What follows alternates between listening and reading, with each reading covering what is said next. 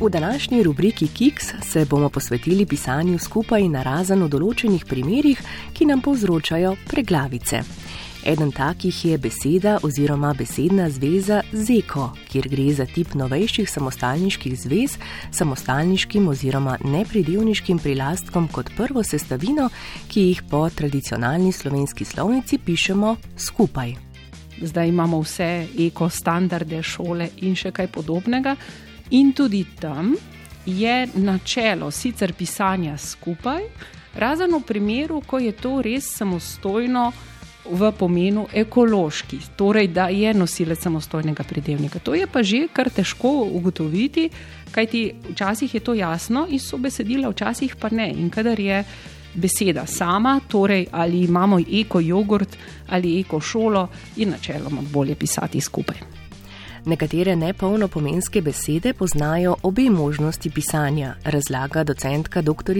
Mataja Jemec Tomazin. Pri nekaterih uh, besedah, spet nepolno pomenskih, se pojavi pa varijanta, da je možno pisati nekatere stvari tako skupaj kot narazen. Pri, naprimer, um, primer ne malo, proti ne malo, ampak veliko je uh, precejšna pomenska razlika. Torej, imeli smo ne malo obiskov, v pomenu, imeli smo veliko obiskov, ali poudarjeno, ni bilo malo, torej ne malo, ampak nekaj drugega, ne, ne samo malo naloge. Ne. Se pravi, če lahko ustavimo kakšno drugo besedo med členek, ne in naslednjo besedo, ali med tisto samostojno besedico, ki nam povzroča težave, in naslednjo polno pomensko besedo, potem se to praviloma piše na razen. Če pa ne čutimo, da lahko karkoli ustavimo, pa je možno oziroma pravilno pisati skupaj.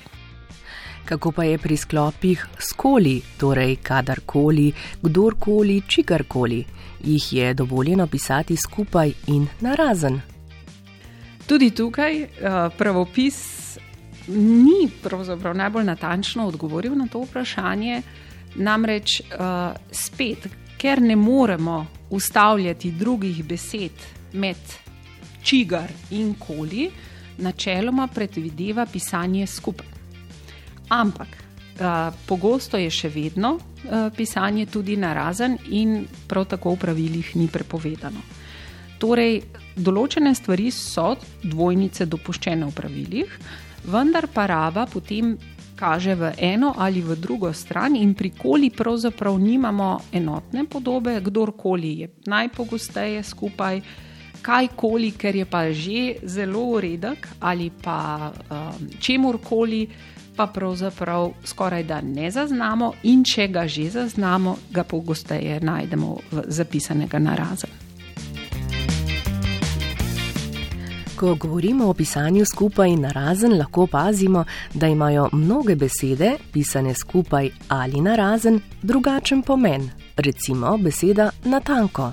Ja, ta je tudi, pri čemer je že tako zelo uveljavljena, da jo narazen več, pravzaprav skoraj da ne zaznamo. In uh, ko razvijamo, oziroma ko iščemo razlog, zakaj je nekaj poimenovano točno tako, vidimo, aha, kako se je uporabljalo to v preteklosti, in res lahko razvijamo, da to pravzaprav pomeni do tiste čisto tanke meje, zato je to na tanko, ampak načeloma se tega pomena, ko uporabljamo, ne zavedamo več. In prav zato je tudi pisanje skupaj tako zelo uveljavljeno, in pride do rahlega prenosa pomena in dobi novo funkcijo v jeziku. To pa ni edini primer, ki pisan skupaj oziroma narazen spremeni pomen. Podobno je tudi pri besedah po noči, po zimi in drugih. Torej, nastanek je zopet ne, po noči, bi moralo pisati narazen, sicer da sledi nekaj noči. Torej, če bi pisali narazen, po noči je jutro, torej bi govorili o dnevu vendar uh, sam prislov izraža po noči res tisti temen del uh, dneva brez svetlobe. Se pravi, tukaj smo spet um, prišli do pomenskega premika, kjer se raba kaže nekoliko drugega in ne moremo z razčlenjevanjem pojasniti, zakaj eh, je pisanje skupaj pisanje narazen.